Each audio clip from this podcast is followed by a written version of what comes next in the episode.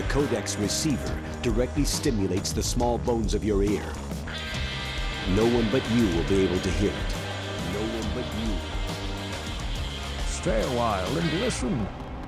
Nerdeprat.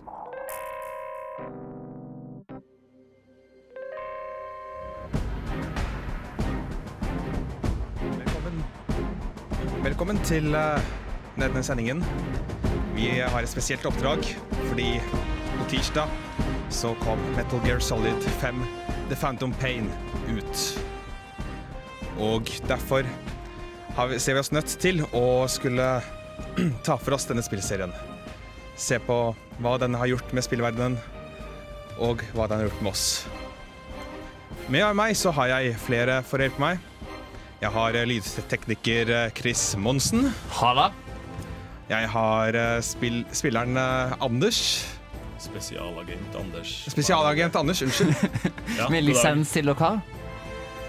Til å uh, kanskje ta livet av noen hvis jeg må. Men ikke nødvendigvis vil jeg gjøre det, kjære lytter. Det var ikke en trussel. Det hørtes veldig sånn ut. Og så har vi uh, vår uh, Metal Gear Solid-ekspert Espen eh, Skindrehaug. Ja. Ja. Hei. Hei. hei, hei. Og så har vi eh, Andreas Dørum. Andreas? Han er jo ikke her. Andreas, oh. hører du meg? Andreas? Andreas! Jeg tror, jeg tror ikke vi får tak i ham. Men, men. Vi får vel introdusere ham til et Når han. Ja. Han, kommer, han lovte han skal komme i dag, så jeg håper han kommer i dag. Hvis ikke så blir jeg, lei meg. Så tar jeg det vel, veldig sterkt personlig. Så ah, nå ble det veldig stressende å komme inn i studio her, og sånt, men eh, ah, det skal bli godt å få litt avslappa og sånt. Men uh, hva er det vi har gjort siden sist? Uh, jeg kan jo starte, jeg, da. Uh, siden sist så har det skjedd ganske mye rart. Det vil si, jeg tenkte at hei, nå har jeg litt fritid, så nå bestemmer jeg meg for at det å bygge en vannkjørt PC, det er en god idé. For ingenting kan gå galt når du gjør det. Jo, alt går til helvete! Altså sånn seriøst, første gangen jeg skrur på, så lekker alt sammen. Alt lekker bare sånn, ah, great Og du har jo ikke strøm på i selve PC-en når det skjer, men jeg har jo lyst til å bli ferdig før Metal Gear Solid 5 The Phantom Pain kommer ut. Ja. Og jeg sitter der bare sånn Søren ta også. Så jeg, så har jeg brukt masse tusen da, på å kjøpe nytt utstyr og masse rart, og så fungerer det selv om jeg ingenting. Så må jeg bare bruke masse rare altså, Må jeg bare bruke da, sånne gamle bits og rør som jeg hadde fra forrige bild, og bare vaske det og fikse det, for det funka da. Så gjorde jeg det, da, og så bare satte jeg på og så bare sånn greit, det her får gå for noe, eh, til Metal Gear Solid 5 kom ut, og så bare eller V, da, som at Hideo Kojima vil at man skal kalle det. Man skal ikke kalle det 5, visstnok, det skal være V. Ja. Uh, og um, Fikk spilt et par timer av det. Jeg har veldig lyst til å spille mer, men eh, skolelivet kaller jo også nå som det har vært opptak i Radio Revolt, og brukt mesteparten av tida på det, da. Men du tenker kanskje å snakke litt om Metal Gear Solid V senere i dag? Eller tenkte du at du bare skal bare Altså, Nå er det jo såpass nytt, da, tror jeg, så vi må skimme altså, veldig generelt. da liksom Konseptmessig, liksom hvordan er gameplay for alt, alt annet. Historien kommer til å vike ganske mye nå, tror jeg. For Skal vi at ikke det, bare, bare hoppe over hele Jeg har ikke spilt det her, så jeg tenker bare å hoppe over hele Metal Gear, og så tar vi neste sending. Kan vi ikke gjøre det? Hoppe over hele ja. Ja, jeg tenker det er ikke noe interessant, det her. Eh, Jeg får litt sånn stygge blikk fra resten av studioet her, så jeg tror kanskje jeg legger meg flat. men, men du, Anders, hva har du gjort siden sist? Agent Anders, som jeg må be. Eh, takk for at du spør, Torben.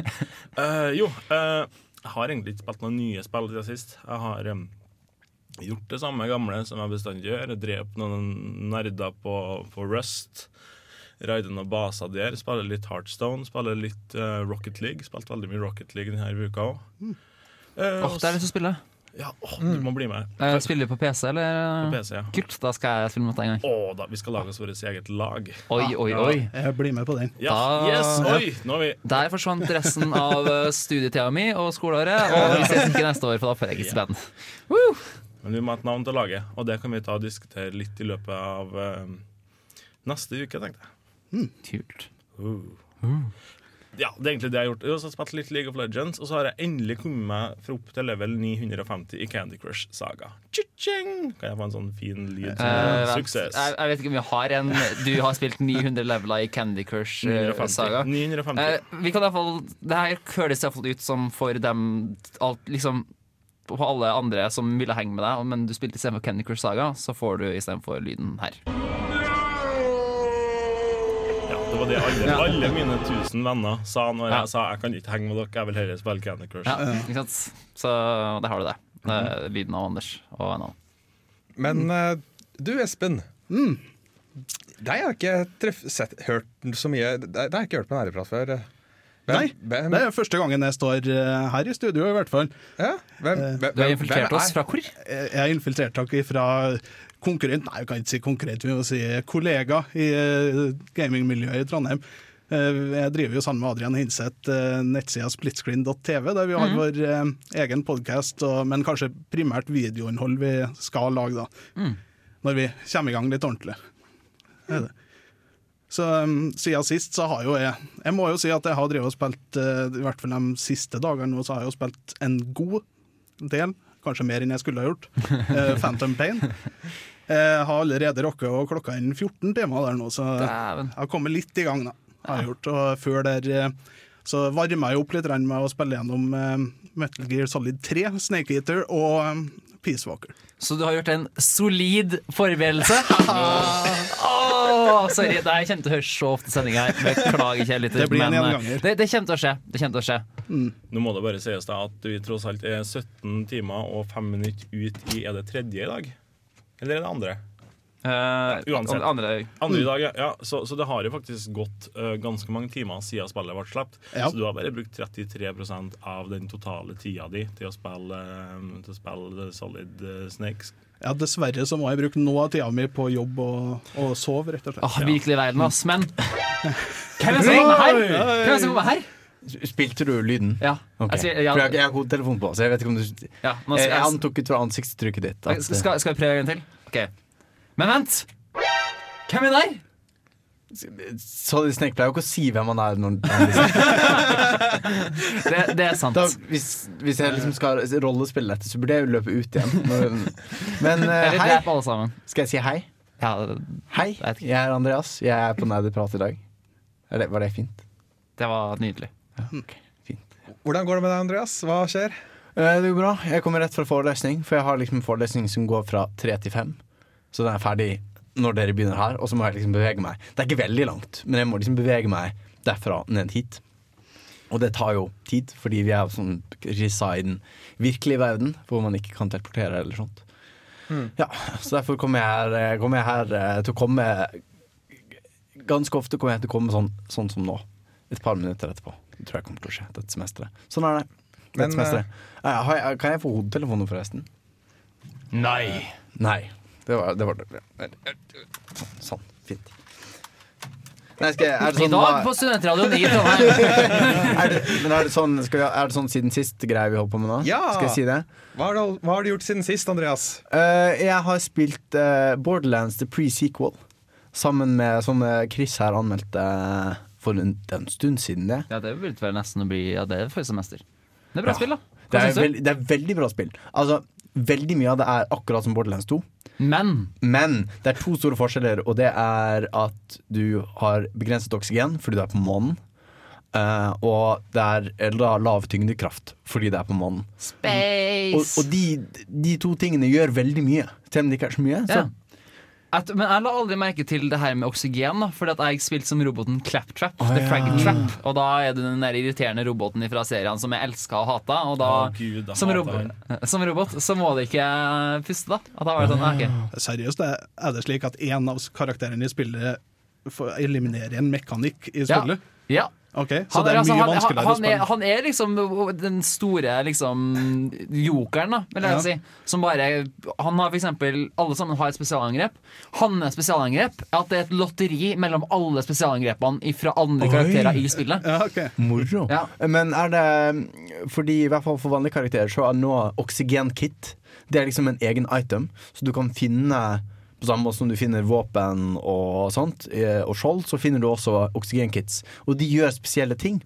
For eksempel, du, jeg hadde en som gjorde sånn at hver gang jeg plukket opp oksygen, så fikk jeg også liv. Så da, Ah. men så er det en andre som gjør at du har mindre oksygen, men du gjør mer skade, f.eks. Sånn at de endrer måten du spiller på, så må du liksom vurdere hvor mye oksygen vil jeg ha, hvor mye kule ting vil jeg kunne gjøre. Så har Claptrap ikke oksygenkits? Eh, Han har oksygenkits, men eh, Men de gjør ingenting. De gjør ingenting. Ja.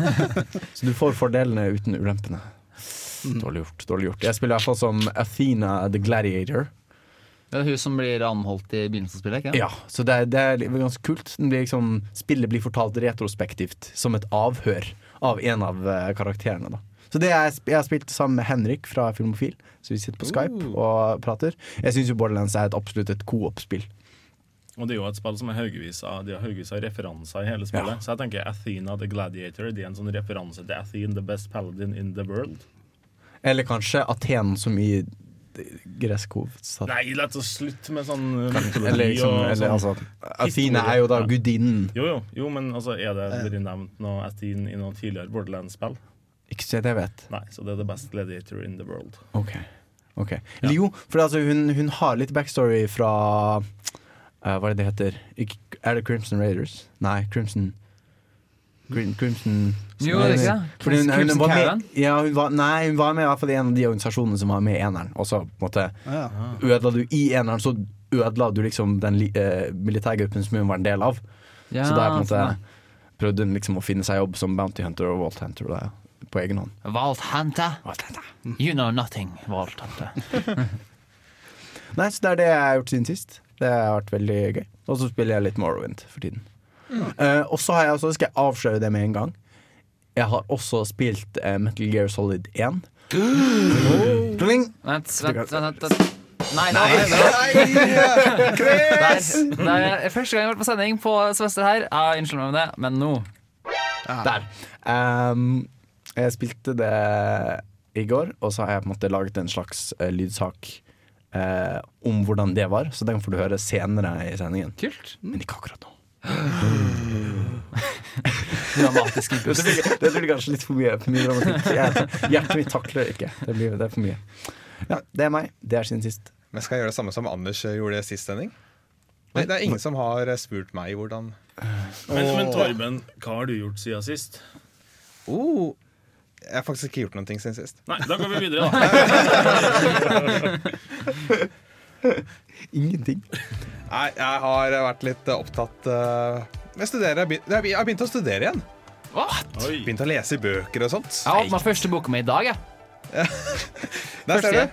Men her skal du få Human Touch av Kappekoff.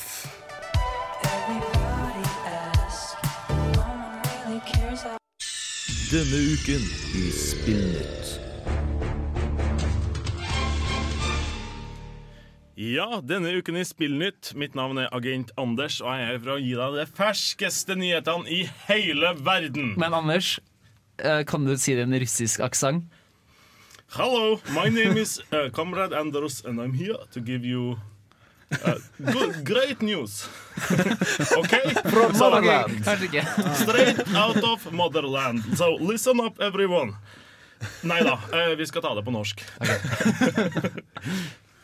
Det var litt artig da at Andreas kom inn i studio nå nettopp og begynte å snakke om Borderlands. Oi. Fordi um, Hvis jeg sier Lionsgate, Gearbox og 2K, hva tenker dere da? En, en film? Mm. Er ikke, er ikke Lionsgate filmting? Jo, det er det, vet du. Det, det spekuleres faktisk i en Borderlands-film. Ja. Spennende. Eh, Det er altså eh, hva de heter for noe? Avi og Ari Arad. Det er altså far og sønn. De har tidligere vært med og produsert filmer som Iron Man, Spiderman, Amazing Spiderman. X-Men, Ghost Rider og Blade. De Ja, driver og men i hvert fall bra. Ja, sant. Eh, det her er filmer, folkens. Wow! Ikke Super Mario Brothers movie, liksom. Eller Super Hornio Brothers med Ron Jeremy. Mm. så, sorry. Eh, vi skal komme litt tilbake til det temaet litt Var det senere. en apropos? Nei, nei, nei. Uansett, eh, det, det spekuleres om det skal lages en film her om Borderlands. Det er ikke noen solide detaljer om filmen ut enda, står, står det på, hos mine eh, kilder. Nei, det er jo kult at det virker som de har lyst til å gjøre Borderlands til virkelig sånn franchise. Altså fordi Du har jo Borderlands-spillene, selvfølgelig, men du har også Tales from the Borderlands, som fokuserer mer på spill fra Tale World, som fokuserer mer på det narrative kanskje i, i Borderlands. Og nå noe enda mer narrativt, nemlig en film hvor man ikke spiller i det hele tatt. Så det, det virker som de vil fokusere på den delen av Borderlands. da Men du ser jo studioet bakom her nå, da. Sony, eh, som står bak de, de fantastiske filmene eh, The Amazing Spiderman 1 og 2, Ghost Rider og Fantastic Four. Det, det må jo være lov å være eh, forsiktig skeptisk til det her, da. Jeg har fått eneste sånn superhelt- eller spillfilmer som jeg liksom synes er sånn OK, har jo vært Lego-filmen og Batman. Men de er jo også ikke noe særlig sånn ruta, eller ikke noe særlig opprinnelse fra spillverdenen. Det er jo mer generelt populærkultur, da. Så jeg er spent, liksom. Kan det her bli it, liksom? Er det her greia som kan bli bra?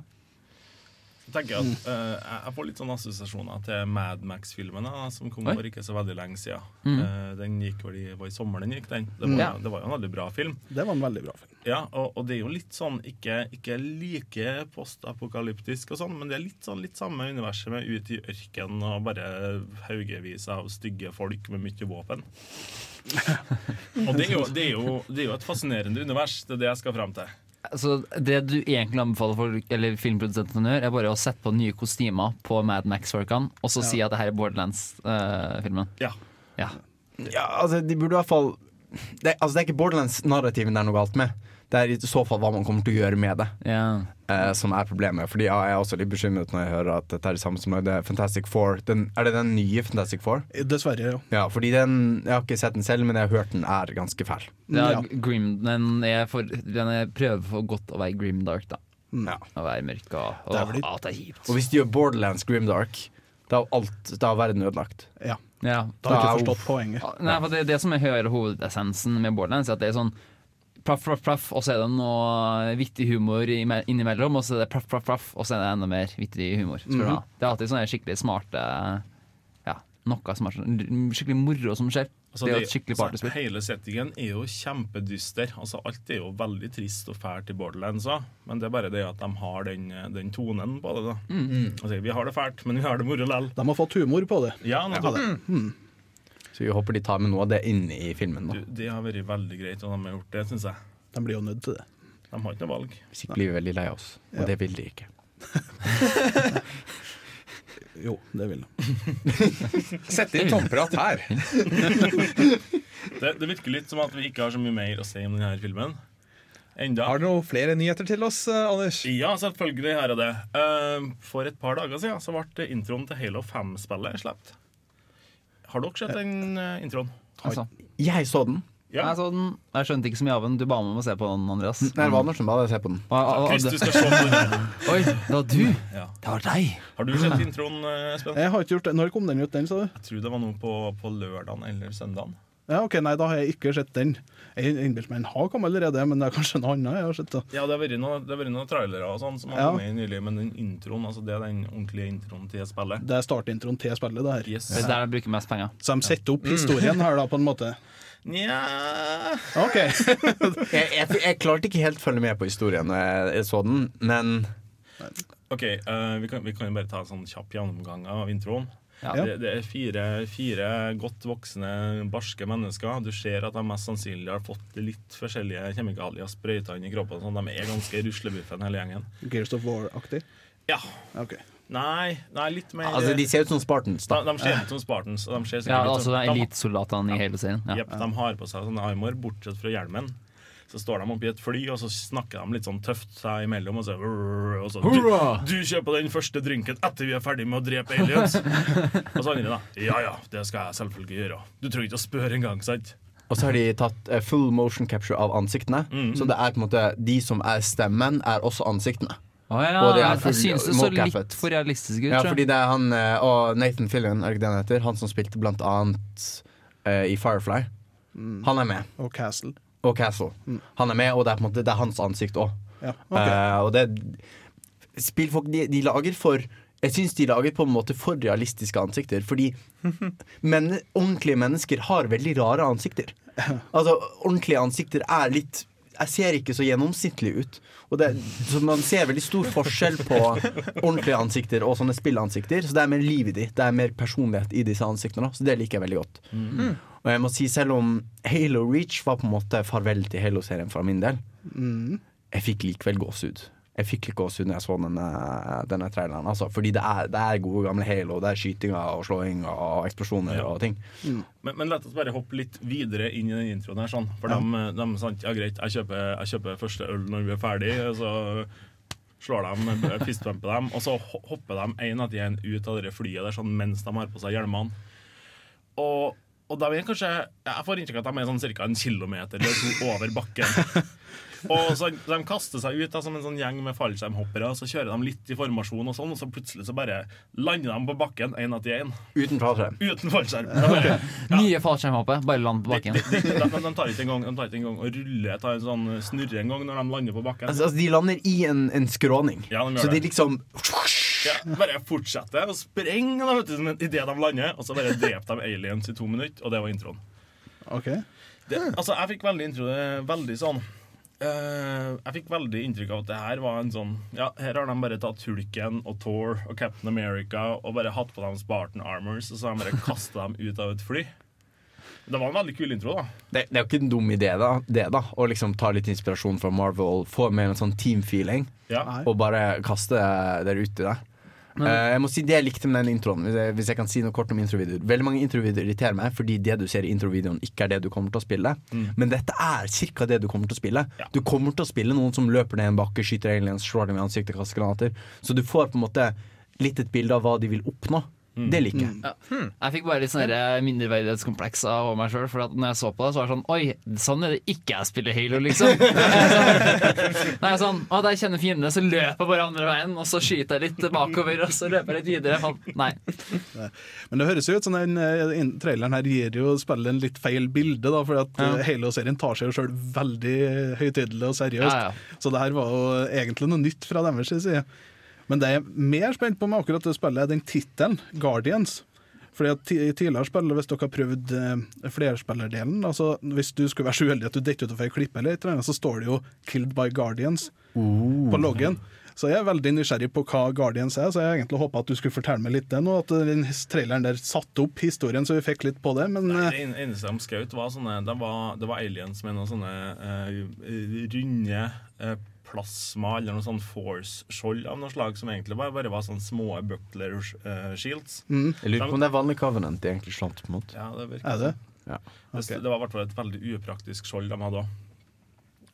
Men, men ja, hva, hva Guardians er, det tror jeg kanskje vi ikke får vite noe mer om før Nei, ok. spillet Ja, da, da må vi bare vente og se. Ja, Men uh, vi, vi har enda flere nyheter på lager. det har vi. Men uh, aller først skal du få høre ei låt. Her får du 'Undergrunnen' med 'Salighet så svir'.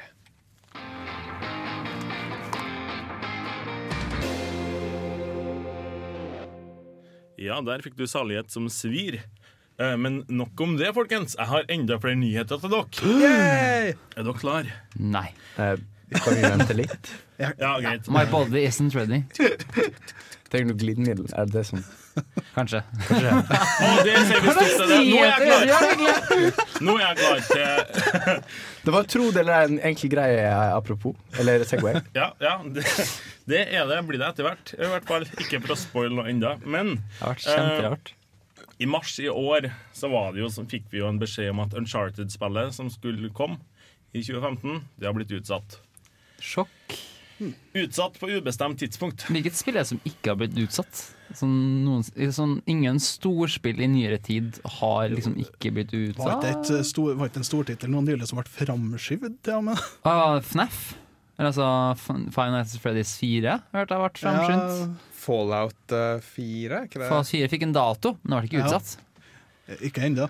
Men det, det, det, det handler vel litt om at du tenker ikke så mye på det når det ikke blir utsatt. Så det er Ja. lettere å huske det som blir utsatt, enn det, Det som sant. ikke blir utsatt. Men, Men, men, men i det de utsetter, da, i, i mars, så sa de ikke greit, vi utsetter. Mm, Da sa de ok, det kommer tidlig i 2016, folkens. Da kommer det nye Uncharted-spillet.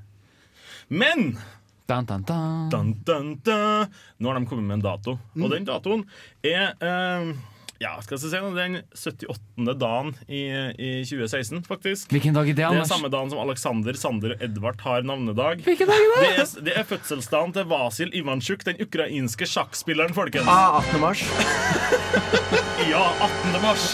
Nice. Ja, det Ja, er, det er bra. Takk, takk. Jeg, jeg, følger, jeg følger med på sjakk. du. Avslører deg sjøl der, Anders. Du er ikke, det er ikke en så god spion. Nei, jeg er ikke det. Var egentlig det som var nyheten, folkens. Uh, Uncharted kommer den 18. mars. Hadde du mange ting om 18. mars som jeg ødela? Nei. Hvor lang er det? den? eh, I 1992 så søkte Finland om å bli medlem av EF for første gang i den 18. mars. Eh, Jo, Windows, Fortell, fortell! Windows, Windows 3.1 ble sluppet 18. mars 1992, samme dagen som Finland. Så, Ha, det er morsomt. Ja, det Tror du det er en sammenheng? eh, jeg er ikke helt sikker. Kanskje. Kanskje.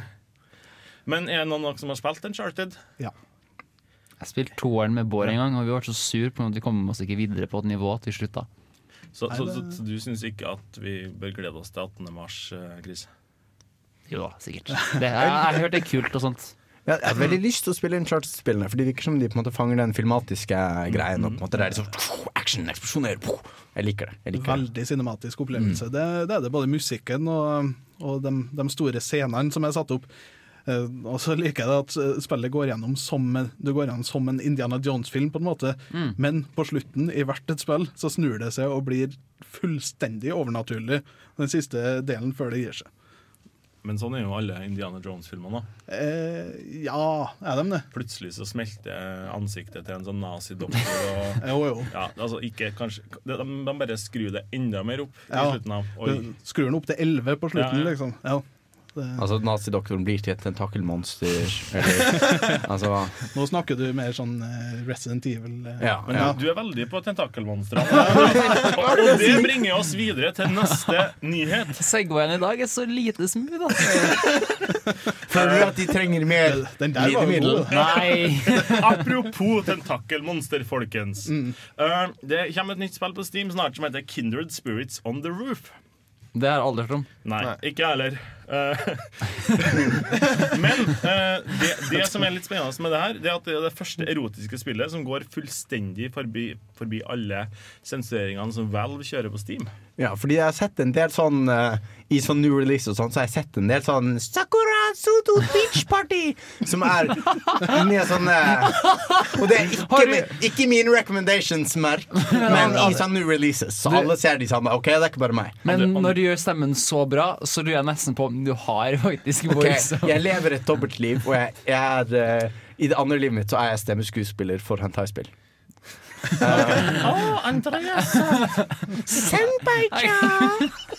Jeg kan forestille meg Jeg forestiller meg Men, med Andreas du hva? som de, de, de spillene har De er i hvert fall litt sånn borderline. Men dette er enda mer, er det du sier? Eh, altså Det det står her, er at, eh, at det er det første som går forbi alle sensurene de har på Steam. Eh, Det står ikke så mye om hva spillet handler om ennå, eh, men det, det jeg har fått med om spillet så langt, er at det foregår på en japansk skole. Sjølsagt. Eh, det, er, det er litt sånn Alltid schoolgirl-fantasi. Det er sånn anime eh, Anime-sjanger. Mm. Eh, det er snakk om to spøkelser som hjemsøker det her. Ene, ene, spøkelse var, ene spøkelse er ei skolejente som døde for ca. 20 år siden. Og det andre, andre spøkelset er ei skolejente som døde sånn ca. under andre verdenskrig. Og den eneste måten de kan komme seg til himmelen, er ved å ha sex! Med hverandre. Spøkelsessex. Ektoplasma overalt. Har du hørt noe mer japansk enn det der noen gang? Nei.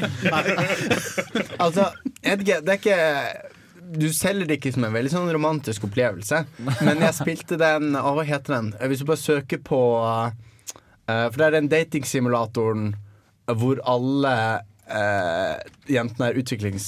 Nei, Ja, det det har funksjonshemninger. Det er det 4chan-spillet. Ja, ja. Uh, dating sim 4chan. Nei, ja, 4chan Nei, ikke søk på det. Handikap. Nerdeprat googler ting. Eh, det, Sture? Og det er kjempefint. Det er et nydelig spill. Det, altså, det er genuint vakkert. Det er, har jeg hørt. Nei, jeg har spilt det selv. Eh, og jeg data den blinde jenten, og på en måte det var eh, bra skrevet dialog. Uh, mye av det var veldig fint. Eh, så på en måte Jeg syns det er trist at bare fordi et spill har spøkelsessex, så tenker vi at det på en måte er eh, porno. Ja. Kanskje det er en vakker fortelling om å finne kjærlighet i en eh, en verden du ikke lenger har tro på, og finne trygghet i, i kaoset. Eller kanskje det bare er ekteplasma overalt, og det er sex. Ikke bare kommer du til himmelen hvis du har nok spøkelsessex, kanskje du også kommer til den metaforiske himmelen sammen med din spøkelsespartner. Kanskje. Dere har sex så bra at liksom det, det, det tar bare helt av. Ja. Det går opp. Litt sånn, du leviterer. Liksom. mm. Nei, det er forventet å se. Dette er i hvert fall inntil videre min headcanon om hvordan dette spillet det er. er i hvert fall et spill alle vil anbefale alle å se frem til. Det er Kindred Spirits On The Roof. Når kommer det? Nei, jeg vet ikke. det er ingen som vet. Kanskje jeg skal anmelde for Netherplan. Men vi får se. Men den jeg sparer den aller beste nyheten helt til slutt. Der, folkens. Bedre enn spøkelsessex. Um, føler du at, at du er for mye ut blant dine venner? Ja! Aldri. At, at du får for mye frisk luft? Ja! Eh, tenker, du, tenker du at du kanskje kunne ha konsumert litt mindre øl? Egentlig ikke. Nei. Sett færre mennesker, eh, vært mindre Ja. på jobb, gjort mindre skolearbeid? Nå er Guild Wars 2 helt gratis!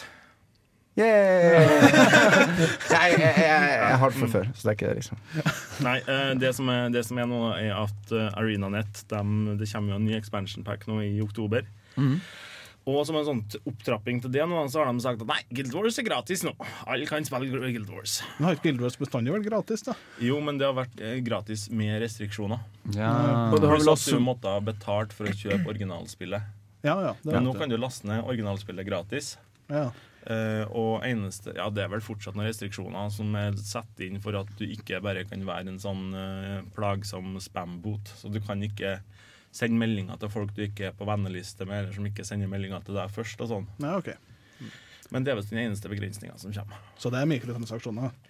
Nja Fordi altså, det, de har Ja, sagt, det. altså, det de har sagt, er at det ikke skal være free to play, men free. Ja. At du skal få samme opplevelse som alle de som kjøpte spillet back in the day, fikk. Mm. Når de kjøpte spillet, skal du få, nå få gratis. Oh, ja. Og at de sier dette er ikke sånn at de skal melke deg for penger mens du spiller. Det er sånn at du skal bli en del av communityet, fordi det er jo på en måte det er jo, En MMO-spill er jo ikke noe gøy hvis det er ingen andre som spiller. Og sånn at du eventuelt skal få lyst til å kjøpe expansion pack. Akkurat som de alle som lager free to play-spill, sier de andre ord. Det de, de, de, Ja. det er jo et poeng, da. Altså, Hvem er det som gidder å spille en MMO hvis det er ingen andre som spiller en MMO? Nei, det For MMO-er de står ikke så veldig godt på, på egne bein når det er kun du som spiller. Både ja og nei.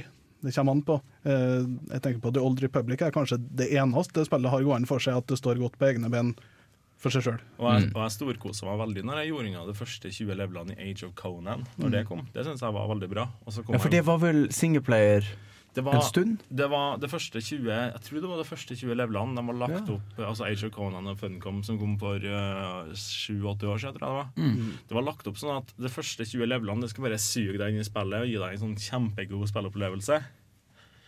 Uh, og så kommer du videre ut etter de 20 levelene og så innser du at nei, nå er ikke noe, det er ikke voice actors på noe av dialogen lenger nå. Det er ikke noe Quest heller, du må bare grinde deg helt opp til siste leven.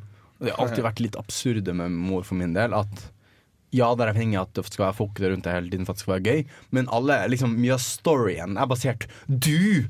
Du må redde oss fra det onde, og du er den eneste som kan redde oss fra det onde, Anders. Du og de 20 andre som står i kø for å få denne Yes, her kommer den helt, The Hero of the Ages. Kan ikke du bare gå og samle en 15 sånne bjørnerumper til meg, så jeg bare fortsetter å bygge på gården min? Det er MMO-er for meg. Ja, ja, Det er litt absurd. du har mye rett i det. Mye grinding. Husker jeg i Runescape, som jeg pleide å spille som kid, så var det jo en quest der, der det var sånn at kun du kan slå dragen på den farlige øya. Og så var det noen som hadde drevet på og slått på den dragen. da Og før de hadde programmert slik at du har egen helsebar, og at kun du kan se det monsteret du slåss med. Eh, det, det kan du gjøre nå, da. At du faktisk får din eget monster som skal slåss mot. Og det som er skikkelig teit, er at du ser folk som slår i lufta. ja, sånn, okay, Hva gjør folk nå, liksom? Eh, men det som før, da, så var det sånn at man kunne slå monstre. eh, og så kunne man dø da, rett før du klarte å slå det. Og da var det ikke sånn at hvis du kom etterpå en annen person og begynte å slå, så var ikke livet resatt. Nei da, det var fortsatt like skadd. Så jeg kom bare rett inn etter at en fyr hadde dødd med masse ting. og sånn Bare tok tjink, og pirka monsteret en gang, og så bare blø, og bare yes! Og så tok du alle tingene til han fyren som døde. Ja, og så etterpå. Du Karma. karma. Ja, så, så du vil anbefale alle å bare begynne å spille RuneScape nå? Det i stedet for- Gamle versjonen, hvis det fortsatt eksisterer. Og nesten ingen spiller. Så Jeg egentlig syns det er litt en rar greie det med eh, Eller det er mange selskap som prøver å lage et MMO. Mm. Prøver å konkurrere med Vov, men det er ganske vanskelig å skulle være sånn den Vov-killeren. Ingen som har fått det til ennå, i hvert fall ikke. Og hva, eh, og og hva er det Warcraft killer? Det er jo et ord som har dukka opp. eh, Det har vært aktuelt i ti år, det. Folk har kalt. Det her blir en wow killer. Blir det aldri det. De eneste som kan drepe WoW, er Blizzard sjøl, så de må bare bestemme seg for når de vil gjøre det. Ja. Mhm. Tror, du ikke de, tror du de har en plan? Jeg tror de har en plan. De hadde jo tydelig en plan da de jobba med Titan. Ja, det er sant. Det synd vi aldri får se de ville Titan. ikke, de ville ikke drepe sitt eget spill ennå. Nei. Altså Men et selskap som kanskje, som noen ville si, har prøvd å drepe sitt eget spill, Konami. Merkelig nok så er det ganske mye japansk porno der også. Det er. Men her skal vi få Metal Gear Solid Theme før vi snakker om Metal Gear.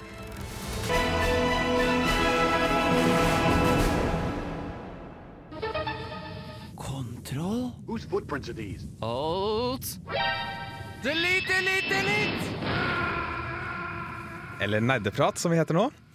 Hjertelig velkommen til eh, temadelen av dagens sending, hvor vi skal snakke om et veldig aktuelt tema. Mer aktuelt enn vi pleier å være på Nerdeprat. Vi skal, det skal nemlig handle om Metal Gear Solid, eller Metal Gear, eller hva er greia der? Altså, det var vel spill som het Metal Gear før Metal Gear Solid? Det Stemmer. finnes fins to spill som heter Metal Gear, før det tredje spillet het Metal Gear Solid.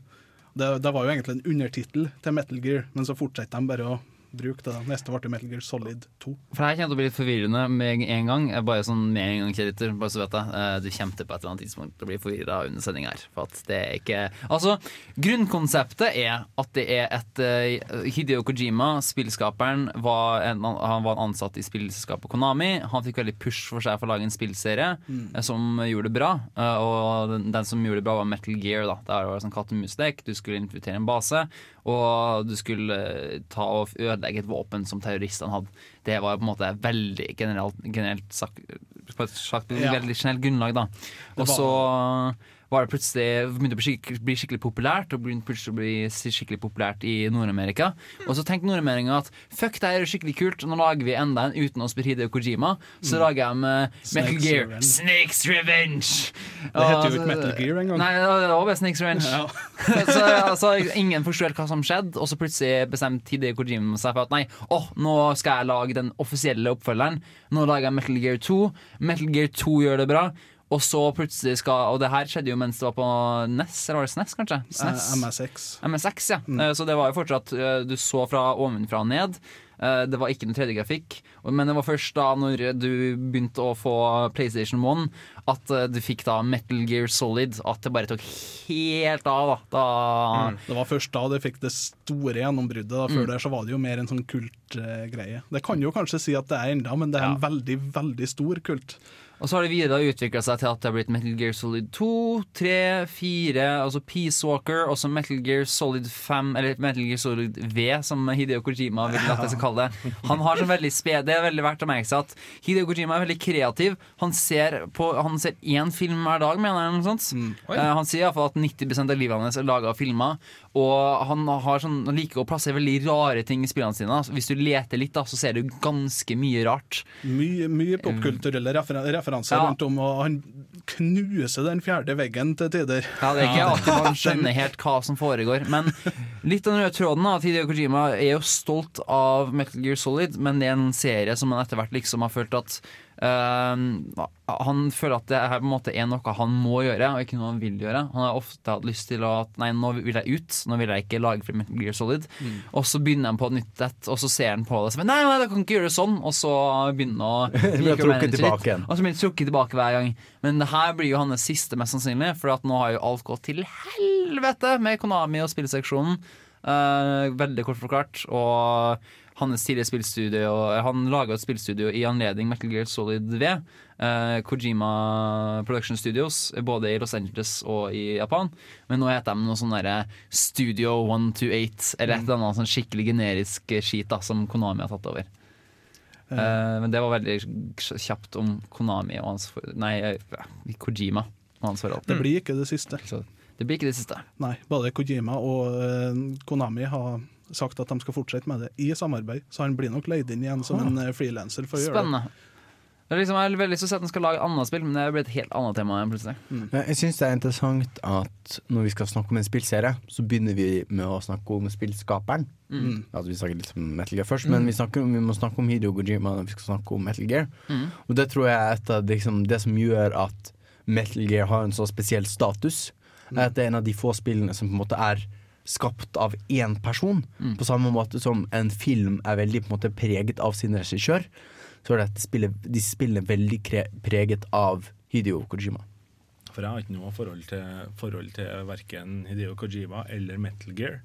Men jeg hører jo når folk snakker om han, så snakkes det om han som at han er liksom innafor å lage spill, så er han ei rockestjerne. Og det er jo liksom Metal Gear Solid 1 var det første spillet som hadde en regissør, som da var Hideo Kojima. Uh, directed by. Uh, han, han pionerte jo snikespillsjangeren, skulle jeg si. Mm. Det var vel kanskje noen før han, men det var han som fikk det til. Si. Det var Mm. han som gjorde til at vi har dem i dag. I veldig korte trekk så går jo egentlig hvert eneste Metal Gear Solid-spill på at du spiller en, eh, en ved navn Snake. Det kan enten være en krone av noen tidligere eh, personligheter. Masse rart, men du spiller iallfall vanligvis en som skal gå inn til en skikkelig håpløs situasjon, helt solo, og så skal han ta fikse hele situasjonen ved å snike seg gjennom hele brettet, drepe med masse sånne helt sy- sinnssyke bosser, og så til slutt ødelegge da en uh, svær robot som heter Metal Gear, som alltid er på en måte en svær eh, robot som står på to bein, og som tar og sender eh, atomraketter. Det Eh, Faktisk, eh, Det er rett eh, det du sier, at eh, du skal ta en Metal Gear i slutten på alle spillene, men i den eh, amerikanske versjonen av det første Metal Gear, der har de faktisk kutta ut den slåsskampen mot Metal Gear på slutten og lagt inn at du skyter en PC med en rakett i stedet. Det er det teiteste. Ja. Så skal du noen gang spille den, de første spillene, så ta så finn en Legacy Collection eller last ned en emulator eller et eller annet, så du får originalen, så du får slåss mot den Metal Gearen. Ja, nå, altså Jeg har spilt Metal Gear Solid 1 på din, din PlayStation, Chris. Ja. For du har den bare digitalt. Er det den teite eller den kule versjonen jeg har begynt på? Nei, det er Metal Nei, Gear altså det er Solid. solid. Det er en, Ja. ja. Metal Gear Ah, 1. sant? Jeg klarte meg ikke gjennom første stikk uten å bli forvirret engang. Det, Er det ikke veldig treffende for Metal Gear-serien at vi er forvirret når vi bare snakker om titlene på spillene? Ok, Okay, her, Hvis du vil ha rekkefølgen, kjære lytter, så går rekkefølgen noe sånn sånn her. Du starter med Metal Gear Solid 3, eh, helt tidligst. I, Det er kronologisk, så er det det første. Kronologisk, ja. Metal Gear Solid 3. Så er det Portal Blops. Så er det Metal Gear Solid Peace Walker. Så er det Metal Gear, S- Metal Gear Så er det Metal Gear Nei. Det er, Nei, ja, det er Metal Gear Solid 5. Ground Zeroes Ground Zeroes og, og Metal Gear Solid 5 The Phantom Pain, ja. Og så har du Metal Gear. Så har du Metal Gear 2. Så har du Metal Gear Solid. Så har du Metal Gear Solid 2. Mm. Så har du Metal Gear Solid 4. Og så har du Metal Gear Solid Revengeance, som var laga Metal Gear Rising, Revengeance. Der har du det. Ja, det er Rising or Revengeance i en tittel. Den av Platinum Games. Uh, Ja, der er bare hakker alt. For at eh, det, det skyldes for at Ryden var jo protagonisten i Metal Gear Solid 2, som alle sammen syntes var skikkelig jentete. Så tenkte de at å, nå skal vi gjøre det kult, så nå skal han hakke opp alt i Metal Gear Solid Rising Revengeance. Eller hva var det feil rekkefølge nå? Metal Gear Rising Revengeance. Der, ja. okay, jeg sa rett. Der er han en cyborg av en eller annen grunn. En robot. Men Sånn skjer, er jo man ganske blir- kult. Det er jo kult med cyborger. Ja, det, det er jo det. Ja. Så Det er vel det de har tenkt. Hvordan gjør vi dette mest kult? Jo, vi putter eh, to ord som begynner på R i tittelen. Det er viktig. Det er litt sånn Stavrim. Reborn, re-revengeance og sånne ting. Det er alltid sånn eh, re. Et eller annet. Det er- Ribe-Rolf. River Rolf. Metal Gear Solid, eh, Radio Revolt. Oi! Damn. Nei, ja. Det var ikke meningen å ødelegge praten, men det, vi, det er ikke alle her som har spilt eller som har like dypt forhold til Metal Gear-serien heller. Altså, er det meg du ser på? Ah, Eller- litt meg selv også. Jeg eh, liksom tenkte OK, jeg skal ha spesial, og la meg sette litt- meg litt inn i Metal Gear-serien. Eh, Lykke til. Altså, Jeg har spilt det i sånn fem-seks år. Jeg skjønner egentlig ikke hva som foregår ennå heller. Jeg bare sier sånn, ah, ja, Det skjer sånn der, og det er sånn en cyberrobot der, og så er det en atomrakett, og så er det eh, noe artificial intelligence, og wow, Men jeg forstår egentlig ikke hva som er snakka om. Husker dere Selda og Serena of Time? Når du skal inn og møte Selda i Slottet for første gang, og så må du snike deg forbi vaktene i palasset. Ja. Det er det eneste snikespillet jeg har spilt. Vel, jeg har en lignende parallell, fordi at eh, den, eh, det meste jeg har Eller det siste spillet jeg har spilt som har mest historie, det er Carina of Time. Ah. Det sier kanskje litt om spillene jeg har spilt. Ja, for det er Ja. det som Kojima også er litt sånn notorisk kjent for. Er at altså, Hvis du ikke kjenner til Metal Gear Solid, så har du mest sannsynlig hørt at uh, det er et spill der som har 10-15 minutter lange cutscenes, altså deler av spillet der det bare blir vist som en film, og du får ikke spilt noe særlig, egentlig. Det er bare Du ser på at ting skjer. 10-15 minutter er jo kanskje de aller korteste nå. Ja, de har jo altså- Guinness-rekord for lengste cutscene. Vet du, den eh, siste i Metal Gear Solid 4 er 1 time og 47 minutter. Men på måte kan du pause den. Ja, I Metal Gear Solid 4 kan du gjøre det, men uh, den forrige verdensrekorden var i Metal Gear Solid 2, som du ikke kunne pause. Se se for deg, se for deg da. Ok, du, er, du er 14 år gammel og du sitter og spiller her klokka halv elleve på kvelden. Og så Det er morsomt du sier det, Anders! Hva jeg gjorde skjønner du. Gjorde det? Seriøst? Ok, La meg fortsette historien. da Og så, og så Men Chris, bruk, bruk navnet Chris. Så kommer mammaen til Chris inn og sier at Chris, nå må du avslutte det spillet og gå og legge deg. Og Chris og bare mamma, mamma, men det er bare ti minutter igjen, og så er det unna spillet. Og så er OK, da greit, du kan få sitte i ti minutter til. Og så starter det en cutscene. så, og, så, og så sier du da eh, Men mammaen til Chris, sier Chris da. Den her er jo bare en cutscene. Det går sikkert kjempefort, det, òg, så kan jeg gå og legge meg. Og så er Chris opp til klokka er tre på natta. Var det, var det sånn det skjedde? Det var sånn tilsvarende. synes det. Men så var det sånn på et tidspunkt som måtte jeg på do. Så var det om å åpne mest mulig døra, skru opp lyden på natta, og så bare sitte på do med døra åpen og så bare prøve å høre da, hva som blir sagt. Hi- Hideo Kojima har en idé om hvordan dette skal være. Og det er liksom dine verdslige behov som eh, liksom toalett, tørst eller søvn, de er uvesentlige. For de skal gjøre, det skal gjøres på denne måten. Men altså, det er for eksempel Jeg synes det er kroneksempel på rare ting som Hideo Kojima syns er kult, og andre syns er sånn Ja, det kan vi ikke gjøre. Eh, I Metal Gear Solid 3 Uh, En ting som han faktisk fikk gjennom, var at du klatrer opp en sjakt i tre-fire minutter. Ja. En sjakt som ser helt lik ut hele veien, og det eneste du hører i bakgrunnen, er selve hovedlåta da til Metal Gear Solid 3 i fire minutter. Og du, du, du må holde opp og klatre. Du må Ja, klatre. bare klatre. Det eneste du gjør, da. Det ser ut som Å, jeg skal bare klatre opp litt, da. Og så bare Nei, shit, det her tok jo kjempelang tid. Skal jeg stoppe? Skal jeg fortsette? Jeg er ikke sikker. Og Senere i spillet så skal du også møte på en sånn legendarisk gammel snikskytter. Og den originale planen var at denne kampen skulle egentlig vare en uke. What?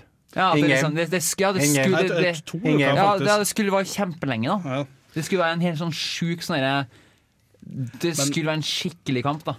Til hans forsvar så var, kan kampen vare i to uker. Mm. Fordi at eh, den kampen var jo ganske vanskelig, for du må jo faktisk finne han snikskytteren før han finner det. og sånn. Mm. Så hvis du bare gir opp, skrur av PlayStation din og går og finner på noe annet i to uker og skrur den på igjen, så har han eh, snikskytteren dødd av alderdom, da, så du slipper Mm. å ta han.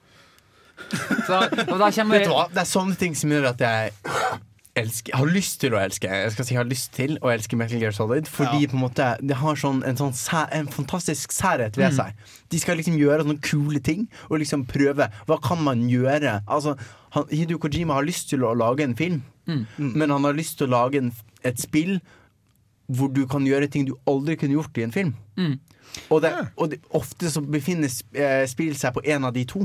Enten så er det på en måte gjør den spennende ting som du ikke kunne gjort i en film, eller så prøver den veldig hardt å være en film, og da er det sånn Da kan du bare gå den veien, fordi filmen er sånn at du gikk den veien. Men dette er begge deler. Ja. Det er spennende. Ja, det er jo det som instruerer rundt Metal Gear Solid 5 nå, at det tas, han vil ta opp veldig mange kjempetabu-tema. Sånn type eh, og fors liksom uetisk forskning, barnesoldater osv. osv. Transseksuell. Transseksuelle, masse rart. da Og en av de første tingene han sa da, når han liksom ble spurt om Er du ikke redd for at noen ikke vil spille, da på grunn av at det er så at noen kommer til å ta seg nær av det. Så sa at ja, men vet du hva, jeg synes at vi må ta det opp, for hvis ikke så ser jeg ikke helt poeng med spill som medium. da Så det syns jeg altså, det er kjempekult. Ja. Applaus fra Andreas der. Ja, ja, det er, jeg, er veldig, jeg er veldig lite fan av tankegangen å gjøre det på en måte noe for alle. For da blir det på en måte for ingen. Og Metal Gear er virkelig ikke noe for alle. Du, du må prøve det, og enten så Elsker det for resten av livet, ellers så kommer du aldri til å spille et Metal Gear Altså, igjen. jeg skjønner jo kjempegodt når jeg forteller kompisene mine, og sånn eh, Og de sier bare 'hva faen er det du røyker', liksom. Så jeg, jeg skjønner helt fint. Liksom Når jeg forklarer det til folk, så sitter jeg og tenker litt sånn ja, men her høres jo helt banalt ut, men det er litt, jeg synes liksom den stemninga som blir lagd, da Han er ganske flink til å få deg inn i en god stemning. Og så lenge du klarer å leve deg inn i det og tenke at ja, men ok, den lille teite bæsjehumoren som kom akkurat der, når en fyr kommer til å ha en tønne og har drette og masse sånt det, det, Greit, jeg ignorerer det og nyter resten. Det går fint.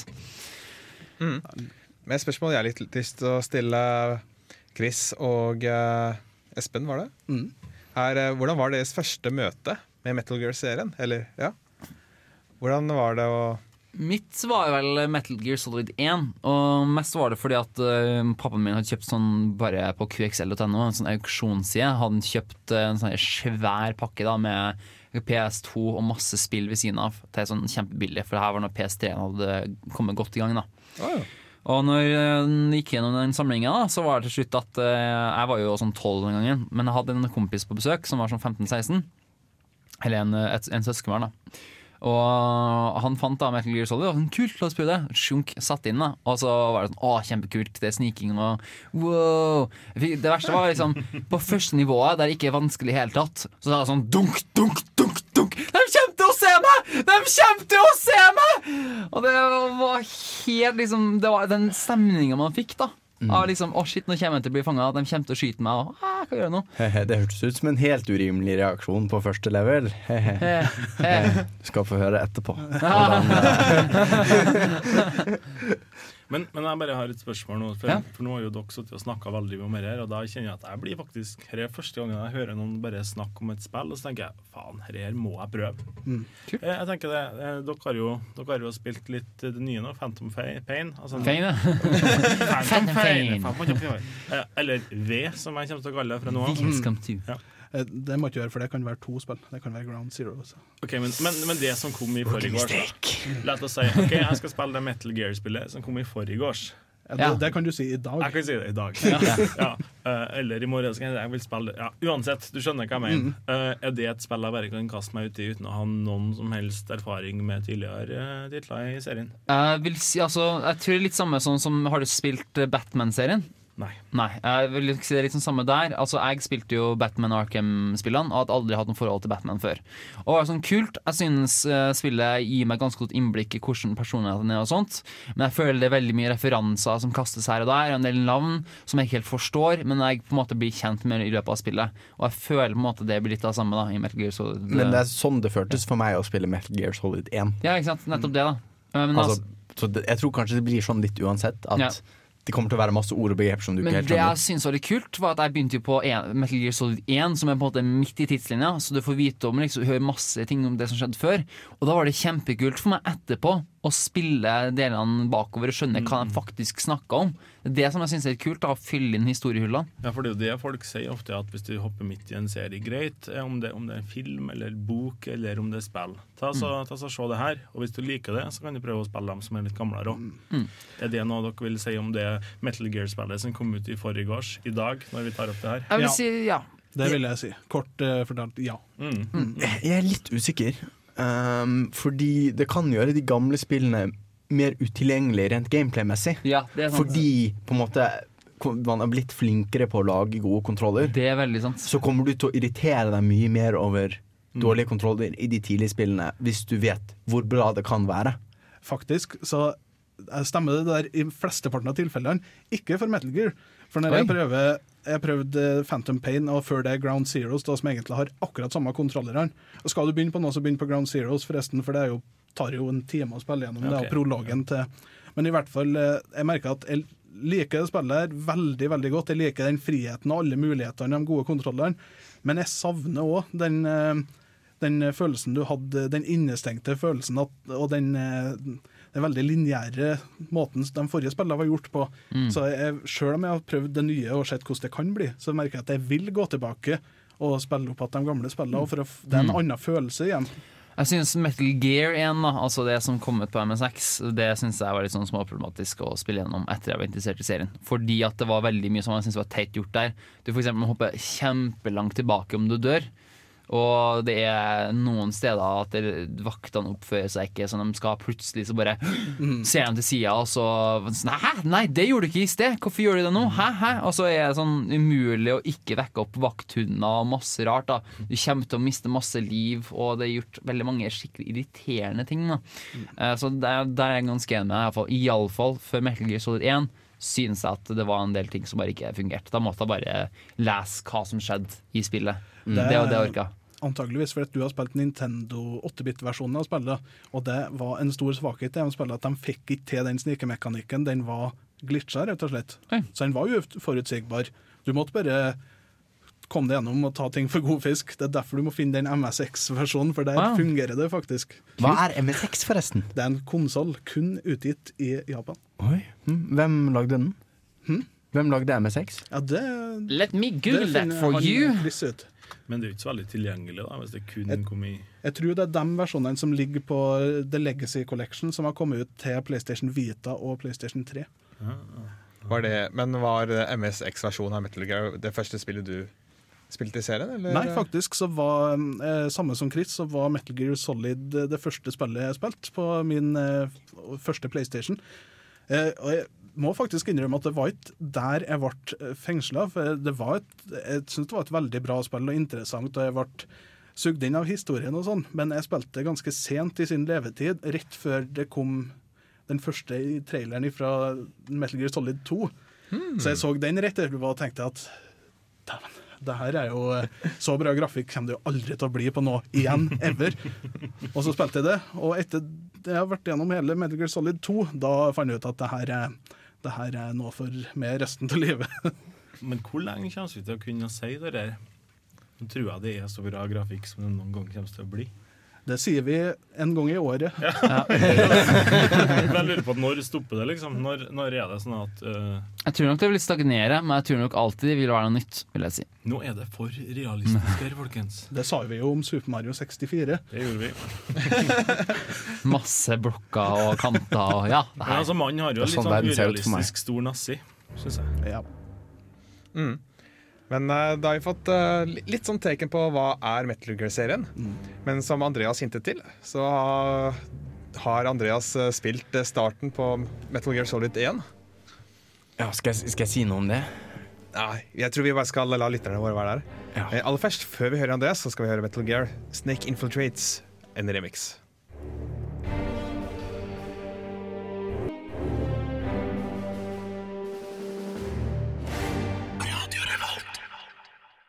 Installing. Ja ja. Ja ja. Det er ikke store spillet, da. Det hadde vært en lang dag med studier, og jeg var klar for å spille et spill jeg hadde hørt veldig mye bra om fra alle jeg kjente som hadde spilt det. Båndopptakeren var ved siden av meg, og jeg var klar. The nuclear weapons disposal facility on Shadow Moses Island in Alaska's Fox Archipelago was attacked and captured by Next Generation Special Forces, being led by members of Foxhound. Var det så mange navn som jeg Altså, jeg har jo hørt og lest dem før, men det er liksom Rett i ansiktet. Men jeg liker litt Altså, jeg har spilt som ikke liksom ser ned på deg. Okay.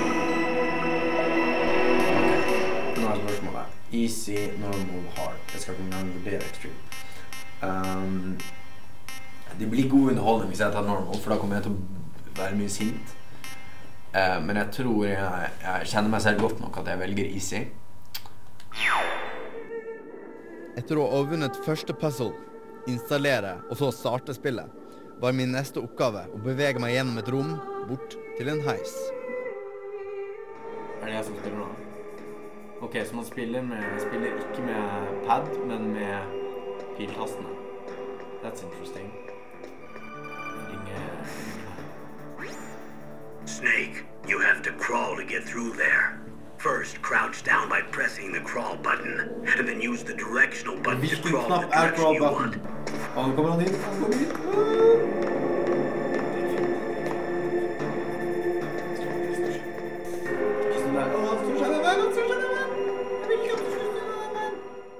Ah, nei, nei. Å nei, å nei, jeg ble sendt, jeg ble sendt, jeg ble sendt. Den her er heisen. Kan ikke stoppe heisen. Eller kan vi stoppe heisen? I enden av heisen ventet flere cutscenes. Når jeg endelig begynte å spille igjen, skulle jeg kanskje ønske det fortsatt var cutscene.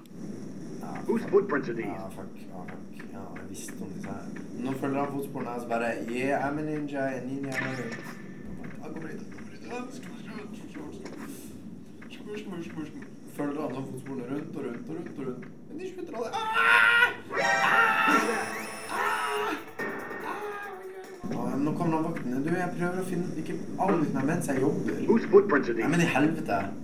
Gjennom prøving og feiling nærmet jeg meg endelig målet. Det er rett ved å komme meg inn, da. Hvis jeg bare får til å snike. Nei, nei, men i helvete! Ah. Åh, Han sover. Nå kryper jeg under han, og skal jeg prøve å krype. Nei, men han Men jeg må liksom krype gjennom beina hans. Så han så meg veldig. Men jeg tror det gikk. Så var jeg ett steg videre i spillet, og det er kun etter 45 minutter. Nå spiller jeg first person inni en airlock. Det var litt spennende. Jeg kan gå til høyre. Der er det rotter. Og jeg til venstre. Security on the door was broken. So the door is still open? But that's nothing. I heard they spotted an intruder outside. Really? Maybe we'll finally get to see some action. Yeah, but we better do something about that door. Let's put it in order to have it repaired. Ok, så den ville vært ødelagt hvis jeg hadde klart å snike meg forbi. Clever game, clever. Jeg var inne i den sjakten i nesten 15 minutter. Til slutt klarte jeg oppdraget mitt å ta en heis. Jeg følte meg uovervinnelig. Jeg hadde sneket meg forbi en sovende mann, beseiret skogmus fra Alaska og krøpet gjennom flere ventilasjonssjakter enn Tom Cruise. Men nå skulle spillet slenge meg i en enda farligere situasjon. Skyte uten at jeg ble forklart hvordan. Men hvordan skyter jeg? Nei, nei, nei, nei, nei, nei. Nei. Hvordan skyter jeg? Så de forklarer meg hvordan jeg skal gå i en stige, men gi meg info. Hva skal jeg skal skyte? Ja, Snake. Åh, må jeg, da må jeg se den cutscenen på nytt, ja. Ja, ja. Ja, ja. Der fikk vi høre Andreas sitt første møte med Metal Gear Solid eh, 1. Ja. Og jeg må bare spørre Frister det å spille mer? Um, ja. Oi, Ja, sånn, du gjør faktisk det. Uh, og det er litt artig, for jeg, altså, jeg vet ikke hvor lang tid jeg forventet at jeg skal bruke dit jeg kom, men jeg brukte altså én en time og et kvarter på å komme meg til han uh, Darper Chief. Ja, han er en av de to du skal få koda informasjon fra. Ja, ja, så det er på en måte Jeg har sneket meg forbi på en måte to seksjoner av spillet. da Mm. Uh, Så jeg har ikke klart så veldig mye. Uh, men jeg liker på en måte stilen. For det vil jeg si er det, det jeg sitter igjen mest med, er på en måte at er Hideo Kojima har en stil, Ja. og den stilen på en måte påvirker alt. Veldig mange spill føles som på en måte at det er ulike ting laget av ulike folk som på en måte er teipet sammen. Ja. Men dette føles veldig helhetlig. Fordi på en måte alt ut fra måte Du får tutorials gjennom kodekken, og på en måte alt er liksom del av samme eh, Altså gi en sånn spionfeeling. Eh, og på en måte Og så er det mye sånn litt sært, som jeg også syns er moro. På en måte denne at eh, over denne kodekken så sier liksom eh, oppdrags eh, Han som er ansvarlig for deg You have to use the crouch button. Sånn? At de på en måte leker litt med den fjerde veggen. Hva som er i spillet, hva som er metainformasjon. Og det er litt sånn Det er så ulikt. Det er kanskje det, det som er det mest interessante med det. Det er så ulikt mye annet jeg har spilt, at derfor har jeg lyst til å spille det. Selv om det kommer til å ta en evighet for meg å komme gjennom dette spillet. Men det, er en, en ting jeg lurer på der, som er et, også et godt eksempel på det der Hideo Kojima-fenomenet som du snakker om her, i hvert fall Mm. Metal Gear. Det er, senere i spillet så får du beskjed om at du skal ringe opp ei via kodiken, og du finner frekvensen hennes bakpå CD-coveret, som Ja. sier. Og da er det jo mange unge gutter som sitter på rommet sitt og Hæ, hvor finner jeg CD-coveret? Og begynner å lete gjennom alle rom i spillet. Men det er jo snakk om det fysiske coveret til spillet. For der står jo frekvensen hennes bakpå. Men hvordan skal du løse det? Har, for du spiller vel en digital versjon, antageligvis? Du har en digital manual. Å, Gud. Ja, det har du kanskje, ja. Ja, så jeg må bare Jeg, jeg kommer til å use the power of the internet, tror jeg. Ja, du må sikkert Eh, gjøre det. det. Men altså, ja, sånne, altså mye sånne grep som er på en måte helt sære, og som du ikke ville gjort i noe annet spill, det, det liker jeg veldig godt. Det er veldig filmatisk. Mm. Um, for det, det er på en måte en veldig god dramaturgi. Mm. Og det henger litt sammen med at det er så lineært. Så det kan jeg skjønne at, du, du, at det kan være en av grunnen til at du savner Savner den lineære historiefortellinga, liksom. Nemlig. Når du får den åpne verden, så får Ja. du sånne bruddstykker her og der. Veldig bruddstykke, og i tillegg så er det liksom veldig mindre åpent for at man eh, Friheten er, minner oss litt om latskap, egentlig. For det føles ikke lenger som at uh, løsninga er åpenbar. Nå finnes det sånn 20 000 løsninger på ting. Og Ja. en av dem er eksempel at du kan bare ta med deg eh, For eksempel jeg spiller på PC, og jeg har spilt såpass mye skytespill nå at jeg tar og headshotter ganske kjapt. Mm. Og spillet justerer seg ved at folk tar på seg hjelmer og sånn, men jeg klarer fortsatt å treffe dem slik at de blir eh, plaffa bra ned. Da. Så nå må jeg liksom gjøre sånn at nå skal jeg bare kvele alle sammen istedenfor for å utfordre meg sjøl. Ja, og det liker jeg også med at dette er et snikespill hvor du må snike. I veldig mange Dishonored for eksempel, så prøver, jeg- tvinger jeg meg selv til å snike fordi det er litt sånn Det føles som om det er det de, sånn de vil at du skal spille. Og så DU6 Human Revolution, så prøvde jeg også å spille uh, sniking. Fordi det på en måte føles som om historien prøver å fortelle at det er sånn du skal spille det. Men det er mye lettere å bare skyte alle, og det er ofte mye morsommere. De har gitt deg mange mange våpen, men du skal ikke bruke noen av dem. Men Metal Gear Solid 1 er jo mye med at der blir du drept, nesten. Mm. En gang eh, du blir oppdaga. Det er bare å komme seg ut. Men i Metal Gear Solid 5 her nå, så har du faktisk fått blitt gitt det valget. Du trenger ikke å snike hvis ikke du må. Mm. Du kan eh, få laga deg en sånn battlesuit som gjør at du tåler å bli skutt mye mer. Du kan lage deg heavy machine gun og ta med den inn i kampen. Og valget er jo ditt, prøver jeg å si, men egentlig så er det vel ikke det. For uh, du får jo en, uh, en ranking på slutten til oppdraget og en Mm. poengsum, og den går jo ned ettersom du blir oppdaga og du blir drept, uh, hvor lang tid du bruker, alt det der Mm. vil gå ned. Og um, hvis den går ned, så får du dårligere følgere på Mother Base. Ja, fordi det, jeg syns mange spill gjør det, og jeg liker det ikke helt. At de liksom sier sånn Ja, du kan for alle ikke snike. Altså, vi, vi tvinger deg ikke til å spille på noen måte.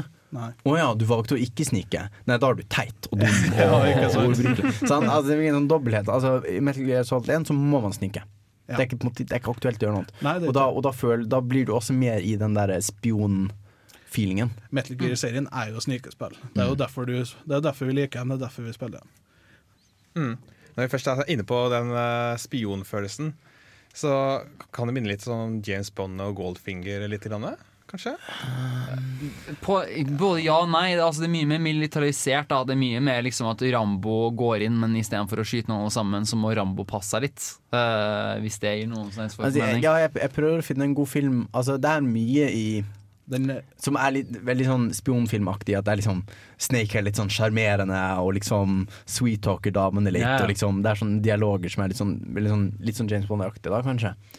Men uh, det er liksom ikke så mye sånn Liksom, eller, jeg vet ikke helt Altså jeg, jeg føler ikke helt James Bond, for det er ikke så glamorøst. Er Ja, det, du det. det er litt mer sånn øh, Krig er dumt. Øh. Jeg vil heller sammenligne det med, med Captain America, kanskje. For hvis du ser de første ti minutter av eh, The Winter Soldier, når han eh, angriper den båten der, det er sånn Metal Gear-spillet får deg til å føle det. Når han, eh, han går kjapt, men lager ikke en lyd, liksom. Tar Mm. ned én og én kjapt uten at noen merker det. Går, eh, skal infiltrere. Det, det er der du, du skal være. Og når du mestrer den følelsen i Metal Gear, det er da du sitter igjen med et eh, stort glis. Altså når du kommer deg kjapt framover, tar ned alle du møter og blir ikke oppdaga. Ja, for det, er det er veldig mange snikespill som går ut på at det skal gå sakte. Men i, i Metal Gear så kan det være ganske fort å være snikende. Det kan det. Litt det jeg vil inn på, er at eh, jeg hørte litt, gjennom litt av musikken i Metal Gear. Mm. Og du har ei tittellåten til Metal Gear Solid 3, er det vel? Mm. Snake Eater. Stemmer. Den er litt, grann, den er litt sånn James Bond-aktig. Absolutt. Så vi skal få høre den, den låta, og så etter det så skal vi diskutere litt mer karakterene i Metal Gear Solid. Men her får du altså Snake Eater.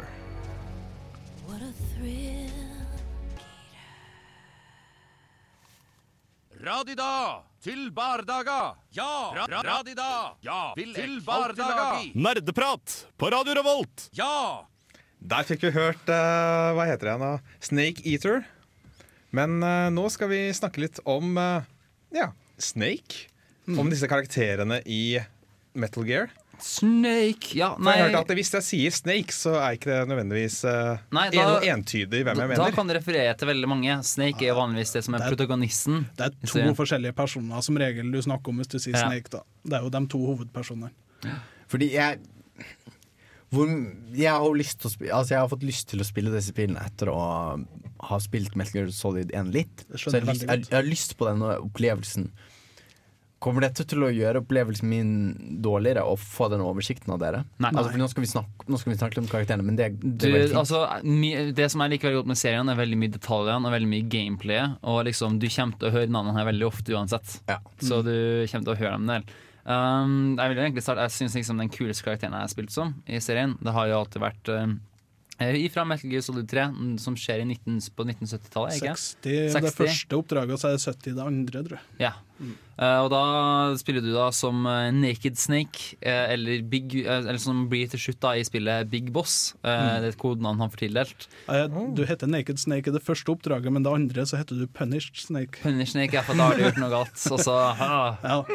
Men altså, det syns jeg er litt kult, da. At Fordi det er veldig mange karakterer til spillet som har navn etter dyr. Ja, stemmer. Det er en ting. Kodenavn-greier. Ja. Det er en, ting.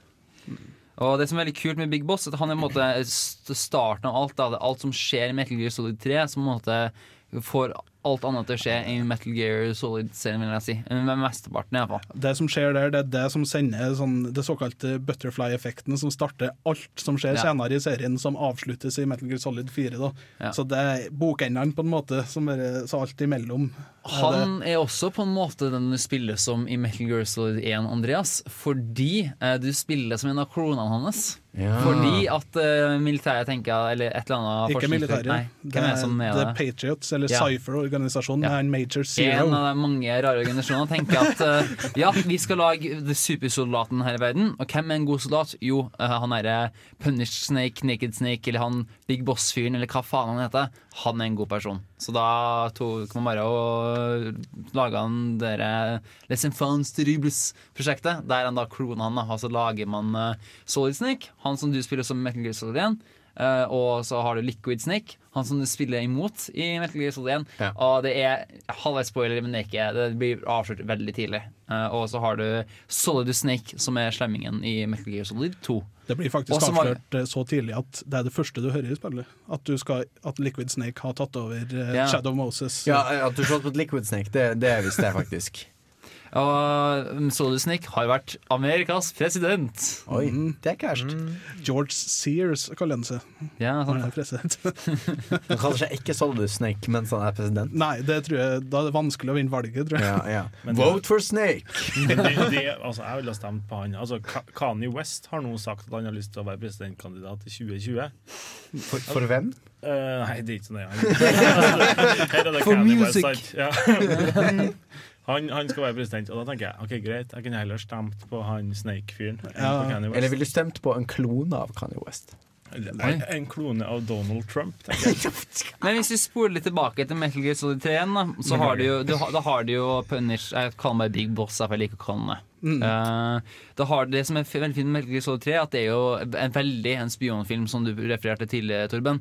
Det er liksom 60-tallet, og alt er liksom sånn skikkelig Du har orkestermusikken og alt. Og Det var det vi, hadde, det, var det vi hørte musikk fra? Ja, eh, og så har vi også dobbeltagenter, trippelagenter. Mm. To av dem her er Adam og Eva. Eh, De opprinnelige, eller eh, Nei, dessverre. Okay. Det Det hadde, vært, det hadde, det hadde, ikke, det hadde ikke forundra meg uh, om Kojima hadde gjort det. Men uh, Iva er, blir da senere kalt Big Mama, og hun som er surrogatmoren da, til tvillingene eh, som lager av kronene. Eh, og Det er ikke hun som lager dem, men det er hun som bærer dem fram. Ja, bærer dem frem, ja. Så, ja. Så jeg vet blir surrogat? Det blir noe. Ja, Ja, altså eggene blir puttet inn i henne, for å si det på den måten. Ja. Kojima han er, han er japansk, han er? Ja. Ja. Uh, sånn som dere beskriver nå, så virker det som at en god del av handlinga foregår i Amerika. Alt er det. Uh, men, men han er jo fra Japan. Merker dere noe stor forskjell i serien? At, at her er Amerika sett gjennom en japaner i sine øyne? Ja, Ja. absolutt. Det er det det, det, det er. Men han har jo, sier jo sjøl at han har jo brukt mesteparten av livet sitt til å se amerikanske filmer, og han vil jo lage noe innenfor de rammene, og det har han jo Ja. virkelig gjort. Altså, Det det er jo, eh, det, det, Mye av det er jo basert på filmer. Når du sitter og spiller, så ser du jo mye Du ser det igjen i mye filmer, der, så du ser hvor han henter inspirasjonen sin fra. Men han har gjort det med sånn en detaljnivå. Det er ikke tatt noe snarveier. Du ser han har sånn kjærlighet til alt han gjør, Mm. så det, du føler at du spiller et veldig godt stykke håndverk. Da, at det her er livsverket til noen. Men er det fortsatt en karikatur av Amerika du ser? Mm, Både ja og nei. Jeg vil påstå at den, han spiller på, på noen karikaturer gjennom de konspirasjonsteoriene og alt Ja. sånt han drar inn der, Mm, men mm. samtidig så kan spillet ligge på en sånn veldig seriøs tone, men så bare Mm. tar det det opp og ned derifra. Det er jo en sånn det er jo en eh, berg-og-dal-bane av følelser gjennom der. For å dra spørsmålet litt videre, hvis Kojima skulle ha laga en, en, et uh, Metal Gear Solid-spill lagt i Norge, Mm. eh, og han har latt seg inspirere av la oss si Trolljegeren er det, er, det litt, er, det, er, det, er det litt sånn samme han har gjort i forhold til Amerika, eller er det en del sånne seriøse filmer han har eh, Det latt seg er, inspirere det er seriøst. Ja. Det er det. Jeg vil si at Han har blitt mye mer det opp gjennom året. i hvert fall. Før Ja. så var det jo mer sånn 'this is a video game'. Eh, Nå er det mer sånn at uh, Han tok jo på ganske seriøse tema også i Metal Gear Solid 1, men Mm. det har nok bare blitt mer og mer av det. Og enda mer avanserte filmteknikker han har brukt i spillene sine osv. osv. Mm. i senere spill.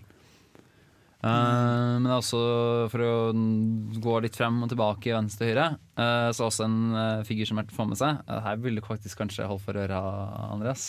Okay. Så jeg og lyttere som tenker shit, jeg må spille Metal Gear Solid 1 Ja, litt viktig, men ikke så viktig. Men du har eh, Ja, det kan jeg gjøre. Sånn. Du har eksempel Revolver Shalasaska Oslot. Han synes jeg er en veldig spennende figur. Mm. Fordi at uh, han er den, han som er Adam i uh, operasjonen Eller under uh, Metal Gear Solid 3. Adam skal.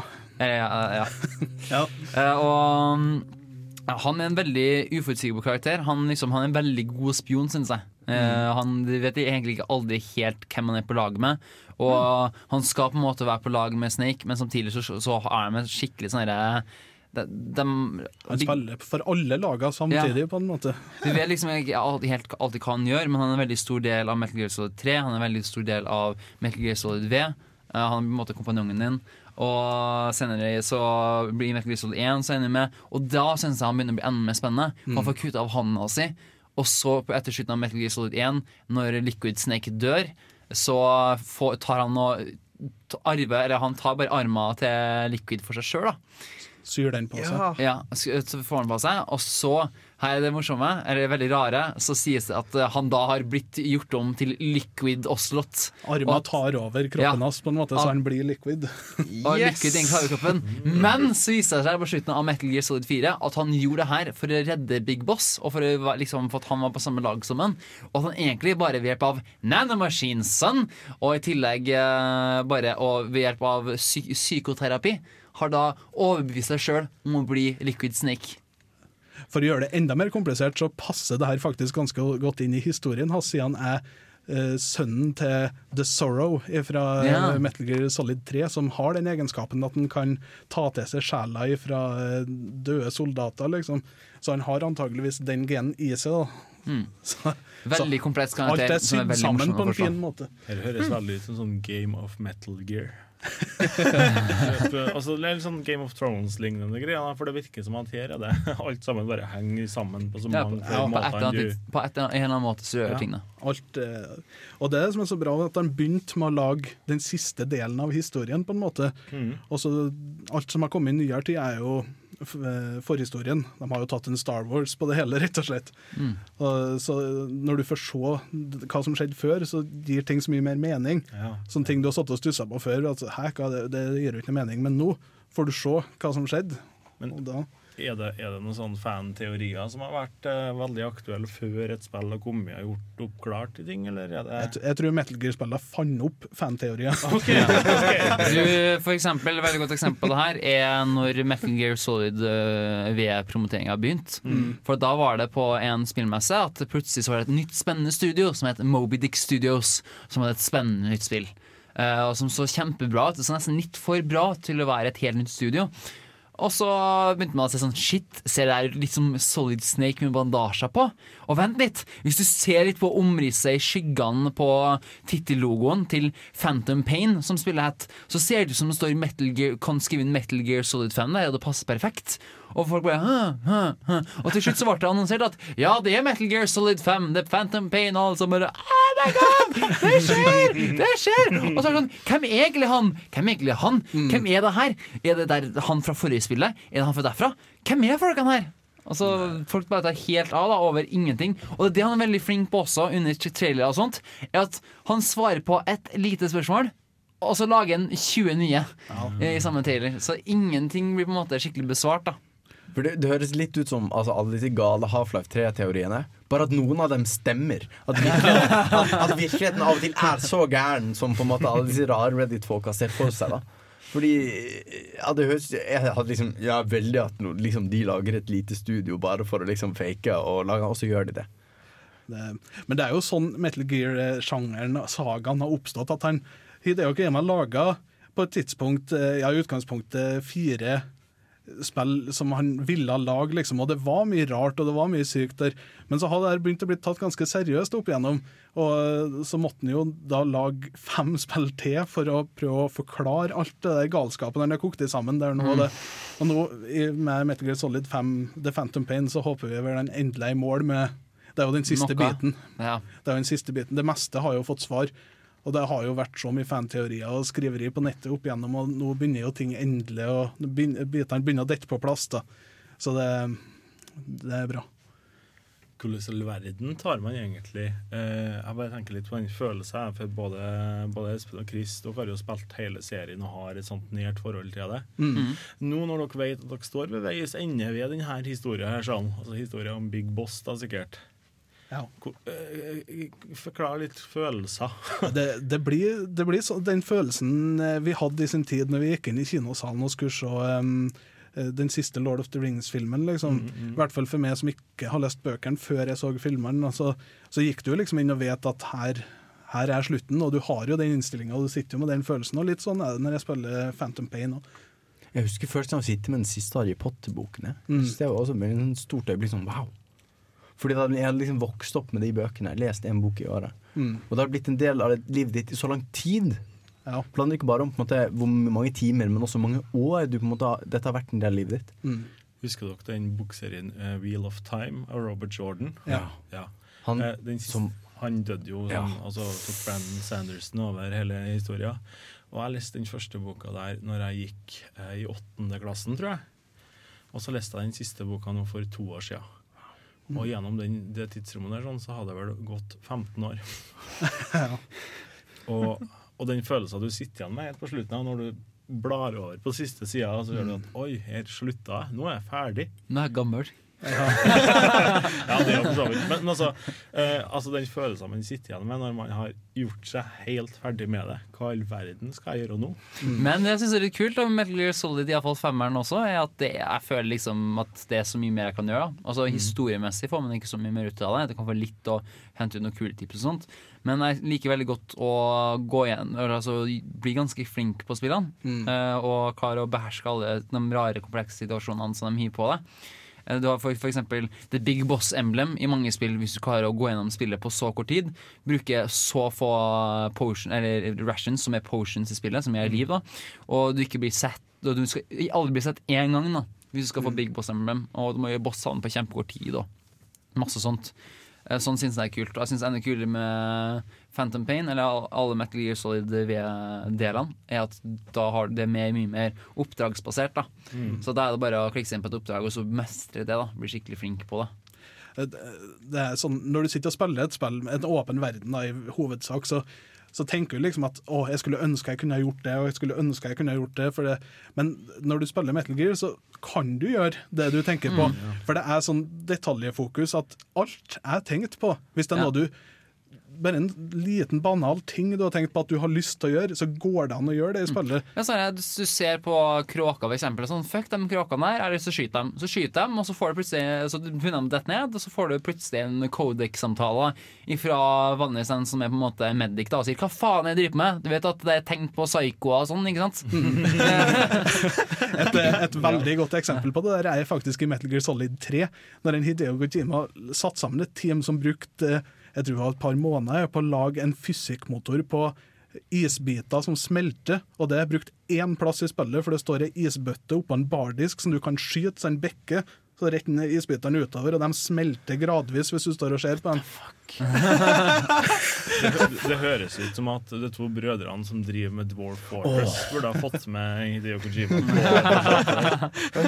Det- Og likeens henger det en kjetting fra taket, så kan du skyte gjennom høla på kjettingen, og du kan skyte kjettingen så den begynner å dingle. Liksom. Det, det er der spillene ligger. Det, det, det finnes ikke nærheten til så detaljfokus på noen andre spill som jeg kan komme på, i hvert fall. Nei. Men uh, så vi har snakka litt om karakterene og sånt. Jeg tenkte vi skal snakke litt mer avsluttende om eh, Metal Gear-serien. Men uh, før vi gjør det, så skal vi høre avslutning på Metal Gear Solid 3, nemlig Way to Fall. But they won't know.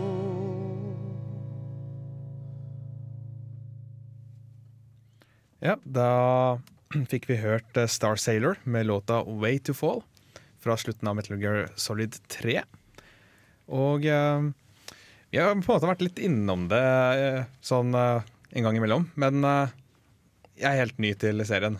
Jeg har sett uh, sånn filmsammendrag av uh, Metal Gear Solid 1 og Metal Gear Solid 2.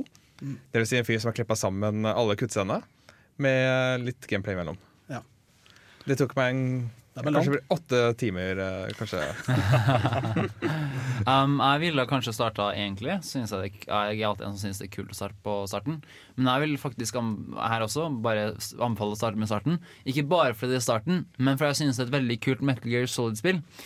Solid Hvilken er starten? Metal Gear Solid 3. Ok, Eh, sånn kronologisk start. Kronologisk start, ja. Det det. Mm. Uh, og det som er veldig kult med det, at det ikke bare er et veldig, er et veldig kult Metal Gear Solid-spill Metal Gear Solid-spill med kule figurer og sånt, og veldig kult gameplay, men det er også en skikkelig sånn jungeloverlevelsessimulator. Er for du har en sånn sta, i, I tillegg til å ha helse, så har du en stamina-bar, og den går tom over tid. Og hvis du ikke gjør noe med det, så begynner du å, hånda di å riste skikkelig, og du klarer ikke å sikte ordentlig, og sånt, og så kan du risikere å sovne og svime av. Så da må du begynne å fange dyr, da. begynne å spise dem, finne ut hvordan de smaker, de er giftige. Du må ringe med Codec og høre er den her en giftig sopp jeg spiser nå, liksom. Og så videre og så videre. da. Det her høres veldig ut som en del nye spill som har blitt populære nå, som tydeligvis òg var ei greie for 100 år siden da Metal Gear Solid 3 kom. Mm. Snakk om alle de Ja, det også er det Men det er ikke zombier i den, da. Nei. Nei. Og så var den ikke i Early Access. uh.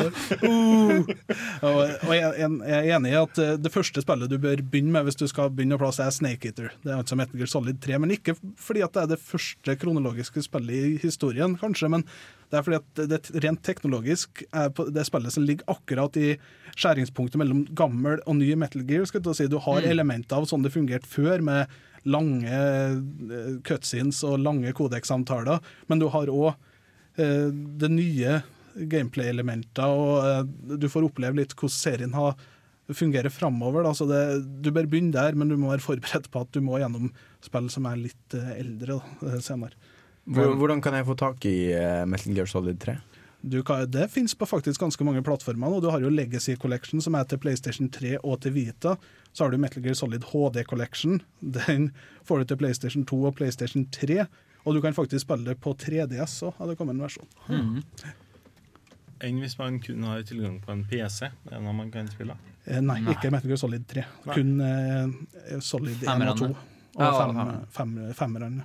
Men jeg anbefaler at hvis du skal spille Metal Gear, Solid, Metal Gear Solid 3 nå, så anbefaler jeg å finne den versjonen som heter Subsistence. Mm. Det er en, eh, på en måte en, en reutgivelse til spillet som har noen gameplay-funksjoner du ikke har på den originale, som f.eks. at du kan snu kameraet hvor du vil, da, for den var laga for, for DualShocken. Det første spillet var laga for én analogstikk. Men eh, bare sånn på tampen her eh, Hva er det vi tenker, hva, hva er det tenker dere om Metal Gear Solid 5 Phantom Pain? V. Um, det syns jeg er veldig kult. Jeg syns det er et V, veldig annerledes eh, Metal Gear Solid-spill, samtidig som det er veldig eh, Det er veldig mange kjente elementer. da Det er veldig mye eh, sånn nostalgirunking og sånt, men jeg syns det gjør veldig mye kult og veldig mye nytt. Og de første to timene var så liksom så sterk da at jeg nesten måtte ta en pause. Og det er sånn, Kojima virkelig vist muskler. Problemet er at du blir møtt da med masse open world etterpå, der det skjer så mye du ønsker skal skje.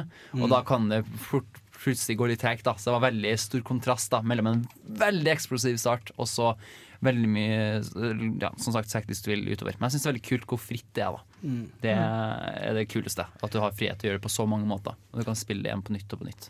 Jeg, jeg, har, 14 timer, jeg har 14 timer eh, som sagt, i det spillet der nå. Jeg ser at jeg har fullført 7 av spillet, så det har, jeg, har, jeg har mye igjen. Eh, Men, eh, så det er vanskelig å si noe til noe annet enn at jeg, jeg liker det. Det, det holder seg tru til Metal Gear-sjangeren sånn historiemessig, samtidig som at det, det tar spillet videre og åpner opp verden og prøver noe nytt. Så det er, det er veldig potensielt Game of the Year, ser det ut som. Mm. Så vi eh, nærmer oss slutten på sendinga, men eh, før det så skal du få høre slutten på Metal Gear Solid 1, tror jeg det var. Her skal Så- du få Nei, det er starten faktisk første låta du hører. det også. Det tror jeg også du gjør. Det husker jeg. Jo, du gjør det. Her får du uansett The best is yet to come. Der fikk du The best is yet to come, laget av Konami. Og jeg vet ikke om det er noe så mye sannhet i utsagnet, fordi at uh, brorparten av den, denne sendinga er overstått.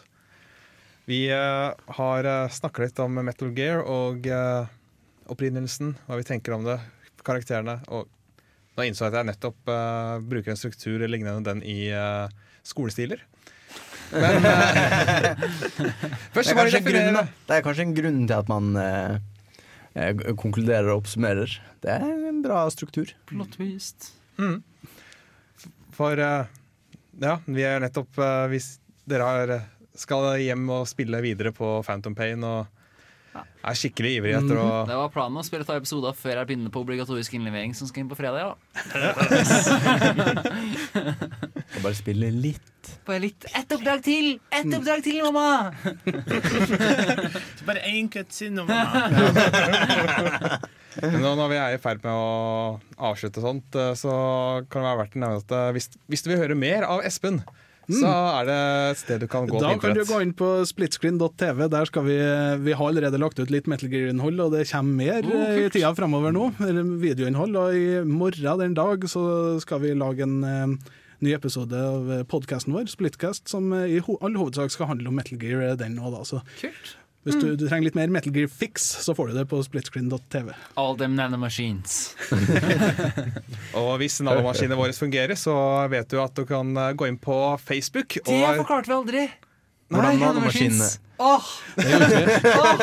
Det er så mye å forklare. Spill spillet. Men ja, Men, sosiale men du, får det, Ja. du får det forklart i morgen på deres eh, program. Ja. Kanskje. Men uansett, du kan like oss på Facebook. Der heter vi Nerdeprat.